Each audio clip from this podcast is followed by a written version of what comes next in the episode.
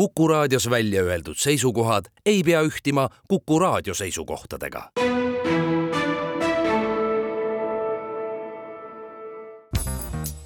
järjejutt. Karl Muttander, kulinaarsed vested, Loomingu Raamatukogu kuldsari. järjejutt. abielul on häid ja halbu külgi, see on kindel ja tõsi aga meie abielu siin maal on palju päevi olnud üksainus suur õitsev ristikuväli kuldses päikesesäras. kallis kaasa on olnud mahe nagu valge liiliaõis varre otsas, tema hääl on sosistanud nagu lääne tuuleke päikeseloojaku pühal tunnil minu maaelu kohal on hõljunud just nagu paradiisi aia vaimustav meeleolu et midagi on teoksil, sellest olen ma küll aru saanud, aga mis? vaevalt kaks nädalat tagasi oli viimati kostnud hüüatus, mul ei ole midagi selga panna. proua riietusruumi kapp on nüüd triiki täis siinmail vaevalt tuntud moehilpe. tänavused kuurordireisid on ammugi selja taga, mis see võiks siis olla? täna see tuli ühel päeval septembri hakul, kui algav sügis paistab olevat meelt muutnud ja loodus on veel korraks rõivastunud südasuve meeli segavasse hiilgusesse. mahedalt ja paitavalt puhus hommikutuul minu magamistoa lahtisest aknast sisse. päikesekiirte kimp nihkus patja mööda minu ninale aina lähemale samal hetkel, kui see ninani jõudis, hüppasin ma voodist välja nagu kooruk ja sööstsin hommikuse duši alla nautisin nagu tuline meri hobu jooksvat külma vett, mähkisin end valgesse supelmantlisse ja läksin alla aeda, et alustada uut päeva paari külmast näpistatud mahlast tilkuva pirniga. hommikune sigaret suus käisin seejärel ringi ja vaatlesin mõisa vilgast tööelu. mõned mu sõbrad ja alamad tulid mulle poolehoidu avaldama Preili mäkkerdas oma ekstaatiliste tervitushüpetega mu supelmantli ära Petter kires ja lehvitas tiibu nagu omamoodi õukonna reverantsi tehes. Napoleon viskus nurrudes selili ja lasi ennast kõhu pealt sügada, Noora hõõrus nina minu põse vastu ja palus sadulat selga. pool tundi hiljem astusin habe laitmatult aetud, saapad viksitud ja värske võõrasema lihase kuue nööpaugus verandale, kus kirjus pidžaamas kallis kaasa mind kui oma isandat ja kuningat tervitas pruukosti lauda nähes ma võpatasin, imede ime, värvide poeem. lauale oli laotatud roosa teelaualinik, millele oli asetatud suurte roosiõitega Taani kohviserviis. kolm kimpu kastevärskeid värvilisi moone heitsid üle laua oma roosat sära sädelevatele kristallklaasidele. ja kellelgi ei olnud ei nime ega sünnipäeva. istusime lauda hommikune kohvi joomine on mu lemmiksöömaaeg. seejuures on mul täiesti oma maitse ja ma muutun pehmeks nagu vaha, kui see soodsalt välja kukub. see, kes oskab mulle õiget pruukosti pakkuda, võib mind oma väikese sõrme ümber mässida.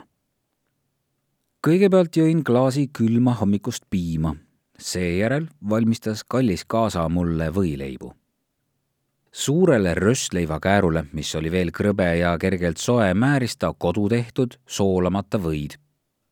sellele pandi paks viil külma lambapraadi, millele määriti külma kastet. peale puistati peeneks hakitud murulauku, et see hoiaks kinni paari õhukest mallast tomativiilu.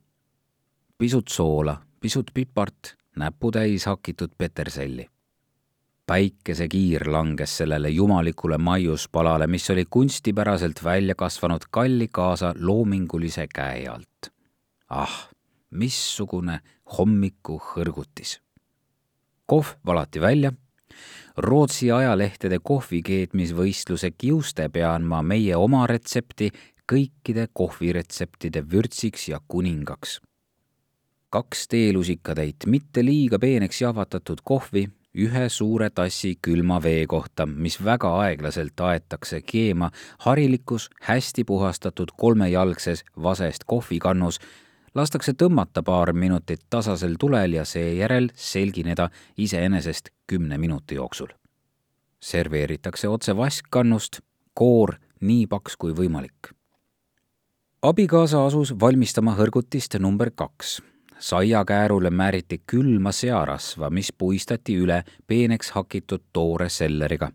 selle peale külmad munalõigud, õhuke kord tilli, vasikaprae kastet ja kerge sabin riivitud mädarõigast, pisut soola kõhklevad kuulajad karistatakse sellega, et ta seda kunagi maitsta ei saa. samal ajal, kui ma pimedana ja kurdina kõige muu vastu maailmas seda poeemi nautisin, valmistas kallis kaasa kolmanda hõrgutise. paberõhuke pumpernikkel võiga, lahja keedetud suitsusink, sinep, õhukesed punapeediviilud, saiaviil võiga ja hõrgutis oligi söömiseks valmis viimane hõrgutis kui kodumaa tervitus, lihtne ja loomulik, mis võidutseb kõikide keerukamate kolleegide üle samas maitsekategoorias, nisujahust näkileib, paks kord võid ja priske lõik värskelt läikivat Västerbotteni koorejuustu. valati teine tassitäis kohvi, kaks tükki värsket keeksi ja viimase kohvilonksu kõrvale sigaret sellega olin ma küps ja valmis nõustuma kõigega, mida abikaasal iganes ei oleks kavas olnud mulle ette panna. palju muresid on mul elus olnud. rahamured, armumured, noore Werteri kannatused.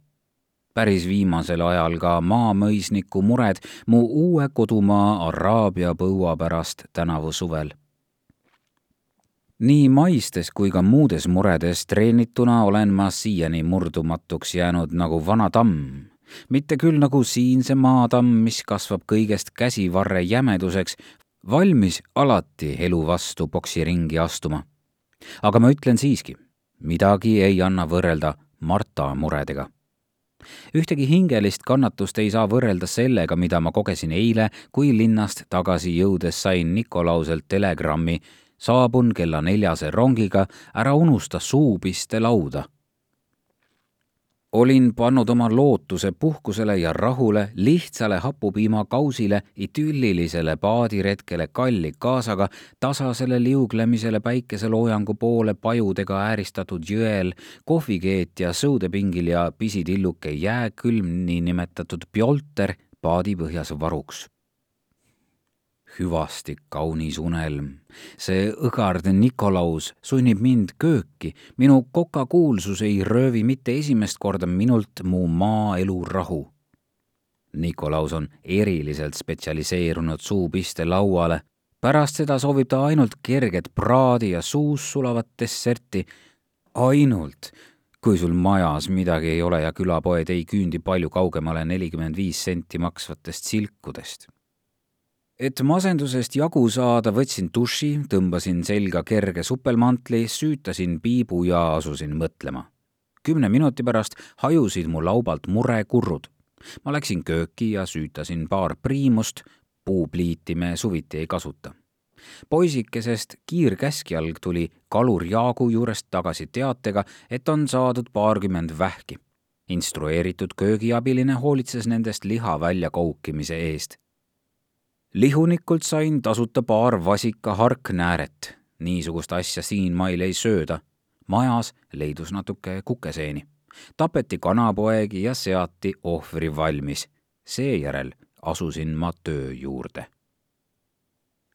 kanapojad praeti pannil kergelt pruuniks vähkidest, vasika harknäärmetest ja seentest tehti koorehautis ja sellesse asetati kanatükid, mis kaeti värske tilli kõige peenemate okstega see kõik hautati kõige väiksemal mõeldaval tulel küpseks.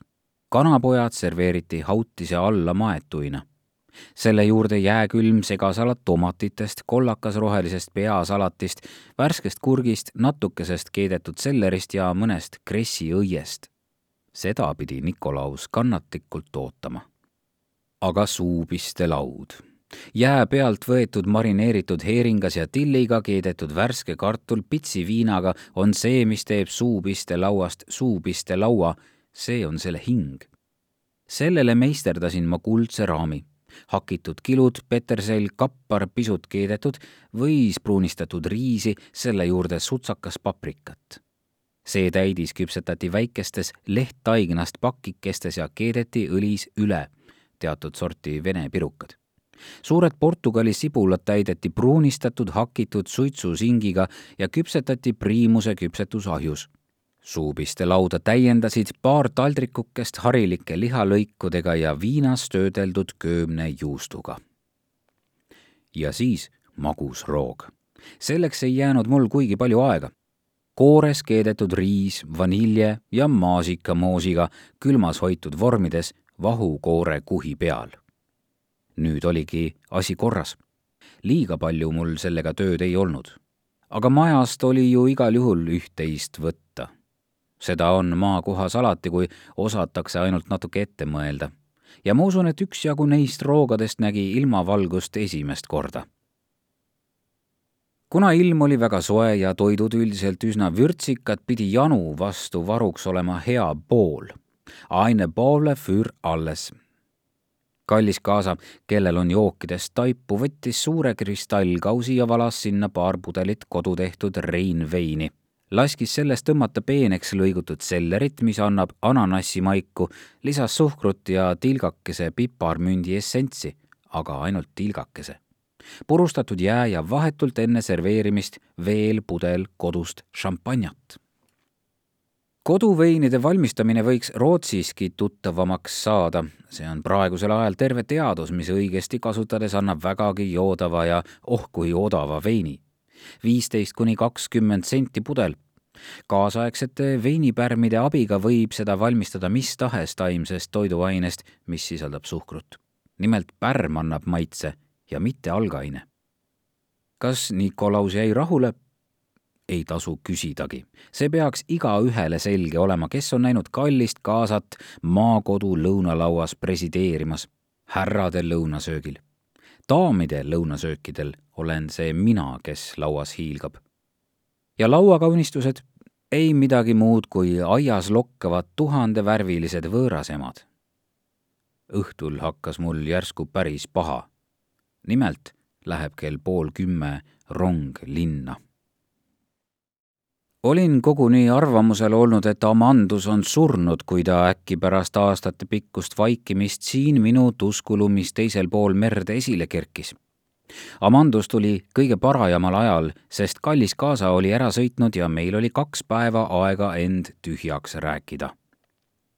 sõber Amandusel on amet, mille varjukülgede hulka kuulub ohtraid pidusööma aegu ja üldse mitte kuigi tervislik elulaad pealegi on ta vaene poissmees, mõistetud nii hästi kiidetud kui ka laidetud vanapoisi elule ja meeletule igatsusele omaenda kodu järele, võib-olla mitte niivõrd abikaasa, kuivõrd tervislikuma dieedi pärast. see ja palju muudki tuli välja, kui me veetsime esimese päeva hommikupooliku jõe ääres päevitades ja supeldes. vennas ütles Amandus mulle truusüdamlikult silma vaadates. mulle on vanast ajast meelde jäänud, et sulle meeldib süüa valmistada. ma tean ka, et sinu palav südamesoov on kostitada mind siin oma väikeses kuningriigis hea õhtusöögiga. vennas, kordas ta paatosega, kuula minu südamepalvet. valmista täna ise see söök, aga paku midagi lihtsat ja tervislikku, midagi suure hulga aedvilja ja natukese lihaga. mitte midagi keerulist ega kummalist, nagu noorhärrad raadios teistele noorhärradele soovitavad, ei mingeid surimurisid, milleks kulub poole päeva töö ja kahe päeva sissetulek, vaid midagi niisugust, mis sul siin mõisas käepärast on, mida on odav ja kerge valmistada, mis on korraga hõrk ja originaalne nii rääkis Amandus pikalt ja liigutavalt. saab tehtud, vastasin mina. juhtisin Amanduse võrkkiige juurde, seadsin talle käepärast karastusjoogi ja uinutava kirjanduse. maga, armas sõber, maga nagu nooruspäevil oma tubli kolm tundi enne lõunaund. on näha, et sul on seda tarvis ja sinu palve täitugu. terviseks ütles Amandus uniselt, aga õnnelikult. võttis kätte moodsa ajakirja, mille ma talle ulatasin ja uinus paugu pealt. mina asusin tööle. kui olin köögivaimud minema saatnud, otsisin välja tulekindlast klaasist vormi. selle põhja panin õhukese kihi hõrku härjaliha siis täitsin vormi kõikvõimalike aiasaadustega, mis ma paigutasin üksteise kõrvale nagu lahti lõigatud torditükid värsked kartulid, lüditud herned, pisikesed porgandid, lillkapsas, suhkruherned, noored oad, väikesed sibulad. katsin selle kõik varajase tillikihiga, lisasin soola ja tsipake valget pipart, kaks supilusikatäit vett, panin vormile tiheda kaane peale ja lükkasin selle mõõdukalt sooja ahju, nii et see pidi aegamööda kuumenema. siis hakkasin mõtlema kerge suupiste laua peale röstitud leib ja tume Rootsi näkileib on ju tervislikumad kui meie hea must leib. värske oma tehtud või on samuti tervislik, nagu ka kodutehtud värske Gervais tüüpi puljongi ekstrakt. võtan rediseid, mõtlesin, mitte neid tavalisi punaseid, vaid sellest suurest valgest hiidsordist ja keedan neid vees. seejärel lõikan nad tähekujuliseks ja pistan igaühe sisse hambaorgi käepidemeks panen nad rätiku peale soojale suupiste taldrikule ja nende keskele väikese tassi sulavõid. kuidas neid süüa, sellest saab aru ilma lähema kirjeldusestagi. väike kausikas stoovitud esimesi kukeseeni ei või ju ka mehelt elu võtta, stoovitud nii, nagu ma olin lapsena emalt õppinud pisut sulavõid natukese jahuga kastrulisse, lisaks tiba koort, näputäis murulauku, soola ja valget pipart seejärel kupatatud seened sisse ja valmis keeta. piisk puljongi ekstrakti kulub samuti ära. aedvilju on laialt käes, ma võtan tomateid, panen need potti ja lasen neil natuke hea või sees piinelda. tükk peeneks hakitud Portugali sibulat, soola ja pipart, mõni tilk lihaekstrakti koos madeiraga, maailma kõige ohtramalt kasutatud vürtsiga ja kui see kõik on podisenud oma kümme minutit, siis rohkesti hakitud peterselli kui jätkub julgust kilusool vee lisamiseks, siis seda parem. nüüd peaks eelroogadest piisama. isegi üpris pahur Mao arst ei keelaks selle juurde üht tibatillukest napsi. kas keeta ka suppi? suve ajal on raske saada õnnestunud sooja suppi kui teha õige niisugune, nagu seda süüakse palju Edela-Saksamaal, harilikest hapuoblikatest, mida aedades selleks otstarbeks kasvatatakse seda valmistatakse nagu tavalist nõgese või kapsasuppi. keldris on natuke vasikapuljongit. ja magustoit?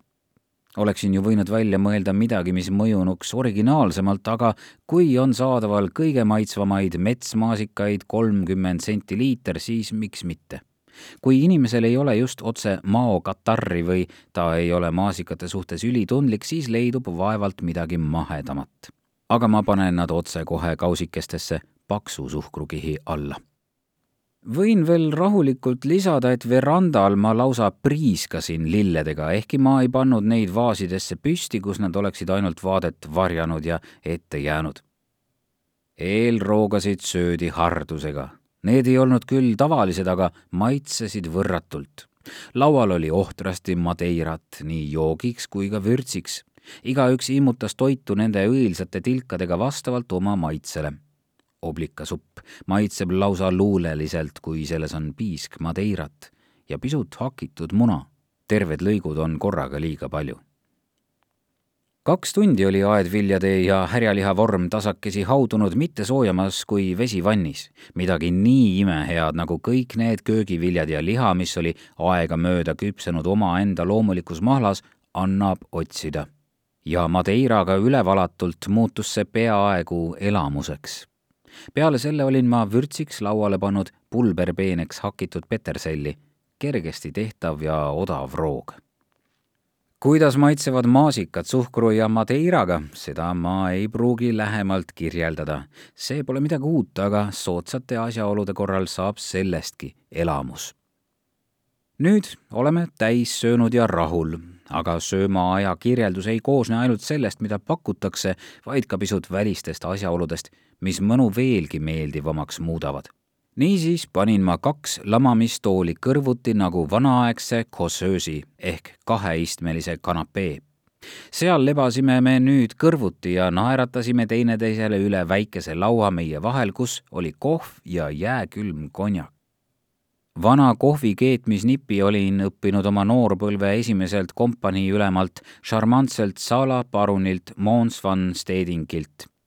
mõõdetakse kaks tassi vett inimese kohta, pannakse külma vette kaks teelusikatäit mitte liiga peeneks jahvatatud kohvi tassi kohta, lastakse selle õige aeglaselt keema tõusta, keedetakse vaikselt viis minutit ja lastakse siis kümme minutit selgineda.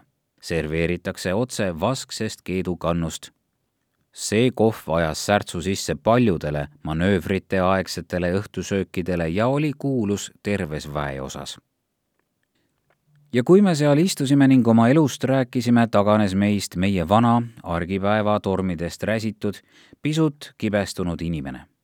ja me istusime jälle, kaks noort meest elu künnisel ja vaatasime sinna sisse. tjah, ei tea, kuidas oleks läinud, kui mitte, ütles Amandus ohates. aga ei läinud nii, vana sõber, vastasin mina. aga kas pole siiski kõige ilusam nii, nagu läks? ja Amandus vaatas ringi päikeseloojangu toreduses, mis muudab minu kodu ja selle ümbruse nüüd armsamaks kõikidest noorpõlve unistustest. kui oled õppinud tormi armastama, siis sellega ei anna küll midagi võrrelda. ja seepeale Amandus noogutas. Mõned söömaaja kirjeldused lõpevad mõtlemapanevalt. üleeile ütles abikaasa pruukosti lauas sõidan täna linna ja ei tule tagasi enne kui homme kella ühese rongiga. vaata nüüd, armas Karolus, et sa jälle mingeid rumalusi ei tee. kus sa sellega, armas Rosalinda, vastasin mina ja vaatasin kallile kaasale truusüdamlikult silma. aga sisimas sähvatas mõte, siis kasutan ma juhust ja kutsun külla hirmsa Friedolfi hirmus Fridolf on noorpõlvest saadik minu ustav sõber, ent kalli kaasa nagu ka kõigi teiste abielus prouade hirm. teda arvatakse nimelt ja võib-olla teatud õigusega nende hulka, kes sõpru kiusatusse viivad. üsna meeldivatesse kiusatustesse muide.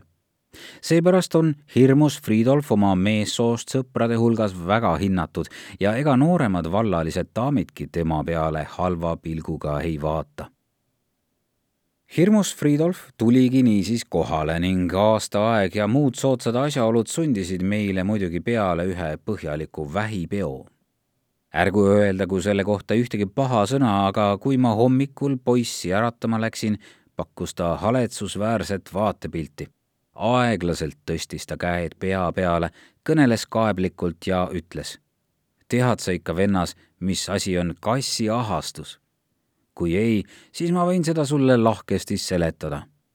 lühike jutuajamine veenis mind, et kui hirmus Fridolf on vaja kella üheks, kui kallis kaasa rongiga tagasi tuleb, jälle terveks teha, siis peab ta läbi tegema erilise ravikuuri, mille juurde kuulub sobiv hommikusöök aeg on raha, kell käib kiiresti ja kallis kaasa ei ole kindlasti erilises vaimustuses hirmsast Fridolfis selles seisukorras, nagu ta nüüd juhtumisi oli niisiis kupatasin ma ta leebe vägivallaga voodist välja. vaikselt hoiates ajas ta habet, mispeale ma viskasin talle supelmantli õlgadele ja juhtisin ta jõe äärde, kus ma teda augustikuiselt jahedas vees põhjalikult loputasin vastumeelselt allus ta minu ravikuurile, aga tema respekt Rosalinda ees on niisama suur kui minul. Kuna just parajasti veetakse kaera sisse, saatsin ma Fridolfi koos ühe kõva käega sulasega tööle ning andsin range käsu teda mitte silmist lasta, enne kui patsient on oma kätega ja üksinda ühe koorma nii peale kui ka maha laadinud vahepeal läksin majja, et valmistada seda hügieenilist pruukosti, mis pidi Fridolfi tegema kõlblikuks minu kaasale esitlemiseks. Kahe tunni pärast tuli mees tagasi, jalust natuke nõder, aga pilk silmis tunduvalt selgem. ta isegi naeris ülemeelikult ja avaldas kahetsust, et tal ei õnnestunud mind veenda seda toredat liikumisharjutust temaga jagama kiiresti võeti ta uuesti käsile ja riietati ümber ning juba istuski ta hundi isuga pruukosti lauda. noh, mis sa nüüd siin välja pannud oled? küsis ta muretult ja himukalt ringi vaadates imelik, missugune söögiisu tuleb inimesel tervislikust maaelust. õue suure pärna alla kaetud laual olid järgmised toidud. või röstitud leib ja vana aus köömnejuust. Värsked jääkülmad tomatid, mida süüakse soola ja pipraga. jääkülmad lavakurgid ja valged redised, mida süüakse soolaga, terve ahjus küpsetatud Portugali sibul, vürtsiheeringas jää peal ning rikkalikult tilli ja värskeid kartuleid. Fridolf tõstis endale rõõmuga ette, aga vaatas siis küsivalt ringi. sa oled vist unustanud?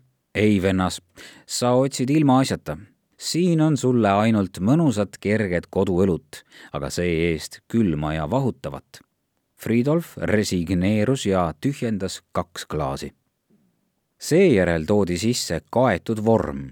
Fridolf sai ise kaane üles tõsta ja mida ta nägi? noh, ma olin valmistanud muretaigna ja vormi sellega katnud. vormi olin pannud pisikesi pruunistatud lambalihatükke siis olin lisanud pruunile rasvale natuke jahu ja valmistanud puljongist kastme. selles kastmes olin keetnud väikseid värskeid porgandeid, herneid, terve väikese kapsapea, mõned valged redised, natuke tomateid, lillkapsast, pisikesi sibulaid ja paar värsket kartulit. kui see kõik juba vaikselt podises, lisasin hakitud peterselli, valget pipart ja natuke valget veini selle hautise valasin vormi, mis jäi tunniks ajaks ahju tõmbama. aga enne olin ma kõik selle muretaignast kaanega kinni katnud. Fridolf sõi vaimustusega. ja magustoit? küsis ta siis ettevaatlikult. jah, muidugi, vastasin mina, andsin märku ja sisse kanti jääkülm vaarikakompott. eelmise aasta ülejääk, mis ei näinud enam kuigi elegantne välja, üsna hapu aga ajas asja ära. täis söönud, reibas ja rahul nautis Fridolf oma mokakohvi. ta lükkas tagasi klaasi jääkülma petipiima, süütas piparmündis sigareti, selle otsa niisutatakse ja kastetakse kristalliseeritud mentooli ja hakkas rääkima, missugune rõõm on tal peagi kallile kaasale rongijaama vastu minna jaama minnes tegime väikese ringi ja kui Fridolf oli siis kinkinud prouale käesuudluse ja roosiõie, ütles kallis kaasa mulle nelja silma all, tõesti tore näha, kuidas hirmus Fridolf on oma halvad elukombed maha jätnud. ta näeb välja päris värske ja nooruslik. me võiksime teda sagedamini külla kutsuda. jah, aga tead, Rosalinda, ei mingit vastuvaidlemist, armas Karolus. Fridolf võiks sinulegi natuke särtsu juurde anda, sa hakkad juba natuke liiga veatuks muutuma. seepeale haakis ta end Fridolfi käevangu ja hakkas temalt nõu küsima järgmise nädala väikese vähipeo asjus. asi algas väga kurvalt. vana koka astus nimelt sisse ja kandis ette õhtusööki ette valmistades oli ta valmis pannud ühe tükeldatud vasikaneeru ja kaks külma kanapoega, mis lebasid ilusti-kenasti köögis lõikelaual ja olid ajalehega kaetud. siis oli ta köögist veerand tunniks ära läinud ja tagasi tulles leidnud null kanapoega ja kolm kaheteistkümnest neerutükist.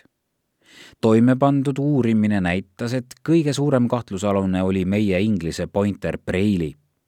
viidi läbi juustukoorukese proov ja Preili reageeris negatiivselt. kui ta pöörab pakutud juustukooriku ees pea kõrvale, on asi selge ja Preili peab oma tegude eest vastutama. sügavalt õnnetuna palus ta hiljem vabandust, mispeale me raputasime tema käppa vaevalt oli leppimine teoks saanud, kui trepi ette veeres päratu vanamoeliselt elegantne ekipaaž kahe kunagise tulise traavliga see oli vana leskgraffinna von Snowpalm, kes saabus koos oma vallalise tütre, komtess Marie-Louise'iga ühele oma harjumuspärastest juhuslikest visiitidest õhtusöögi ajal. mõte Preili jultunud tembust muutis mu kaasa ja minu külalisi vastu võttes pisut jäigaks. meil ei ole kodus mitte kui midagi, sosistas kallis kaasa õhtusöögini oli jäänud ainult tund aega ja keegi ei soovi vana krahvhinnaga tülli minna, kui ta iseennast külla kutsub.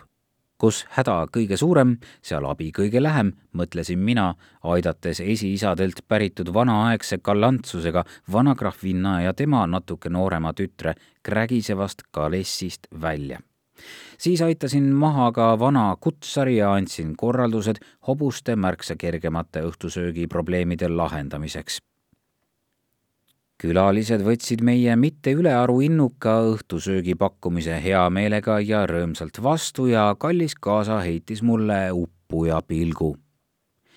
Teie juures tuleb kindlasti väga meeldiv ja tervislik rustikaalne õhtusöök, ütles krahv Vinna. eile me käisime linnas doktor Mark Folgertsi juures Marie-Louise sai uue ravimi ja peab rafineeritud toiduainetest hoiduma. Seejuures kaevas komtess kotist välja paar niisugust tabletipurki ja tilkade pudelit, nagu vanemad kõhetud preilid neid kuurortides söögilauale üles rivistavad. siis teeme päris kergelt ja vegetaarselt, vastasin mina, kes ma oskan käigu pealt päästerõngast haarata. kõhkleval mitte päris enesekindlal sammul läksin kööki, süütasin järelemõtlemissigareti ja hakkasin kokaga nõu pidama. ainult aedviljad, ütlesin ma. siis söögu parem loomalaudas, hüüatas põlglikult vana koka, keda luksuva naeruga saatis raskesti kasvatatav majateenija Juuli, keda me hüüame Juliiks tõstsin väärikust rõhutaval moel käe, mispeale saabus taas tõsidus ja jagasin korraldused. tunni ja kümne minuti pärast olgu lauale kantud, lõpetasin ma ja läksin külalisi lõbustama. Täpselt õigel ajal lõi Julie uksed lahti ja tegi sügavalt niksu. üksteise järel ilmutasid end minu väljapaistva strateegilise ekspress-koka kunstiviljad röstitud leib või ja tomativiiludega ning näputäie hakitud tilliga. väike munavorm peterselliga Krahvinna, kes tarvitab alkoholi ainult külmetuse puhul, oli sel päeval nagu harilikult pisut haiglane ja võttis ühe väikese magusa köömne napsi. Sellele järgnes spinatisupp. Vägeva kolmikhüppega oli Julie alla aeda sööstnud, lõiganud natuke talispinatit ja visanud selle kupatamiseks ootavasse keevasse vette, ajas selle siis kiiresti läbi hakklihamasina, lasi kogu sulbi kerges lihaekstrakti ja soolaga puljongis keema, lisas tsipakoort ja mõned kõvaks keedetud munalõigud ning supp oligi valmis mina valasin märkamatult juurde supilusikatäie madeirat ja vana krahvinna sahises nagu lõunatuul. Charmant minu au juures, charmant mon cher cuisine. samasuguses kiirrongi tempos oli vana koka saatnud kaks poissi korjama võitatikaid, mida kasvas meie ümbruses nagu umbrohtu ja mida hautati koores. lisandiks purgitäis herneid ja porgandeid pisut peasalati kollakas rohelist sisu, vähese õli ja sidruniga. niisuguste roogade puhul on lihapraadi kerge ära unustada. kunstiteos oli serveerimiseks valmis samal hetkel, kui Julie tühjad supitaldrikud põrandale pillas. õnn, et meil oli majas vekitud peterselli samuti oli õnn, et kallis kaasa oli järginud hea sõbra nõuannet ja varunud alalise tagavara lahjat majoneesi sel viisil tekkis lauale maitsev väike liuake täis hakitud peterselli, garneeritud sidrunilõike ja noort salatit. õunalõikudest, suhkrust ja tilgast veest saab kiire kompoti. natuke suhkruga munavalge vahtu ja viie minutiga valmib ilus peseekate. vaniljekaste keedetakse niisama kiirelt, nagu sellele mõeldakse nii vanal graffinnal kui ka komtess Marie-Louise'il on suursugune südamerike. seepärast tuli lõpetuseks Cafe Haag, kofeiinivaba kohv. ja ülejäänud joogid, kalli kaasa kodutehtud seltersiga pooliks friseeritud sutern. nõnda olimegi toime tulnud von Snowpalmide visiidiga, mis nii kergesti oleks võinud halvasti lõppeda. sest tõtt öelda on vana graffinna meie kihelkonna hirm lihtsalt jumalik, susistas pulk sirge komtess Marie-Louise kohvi juues ning unustas lahkudes oma tabletipurgi ja tilkade pudeli maha. järjejutt. Karl Muttander, kulinaarsed vested, Loomingu Raamatukogu kuldsari. järjejutt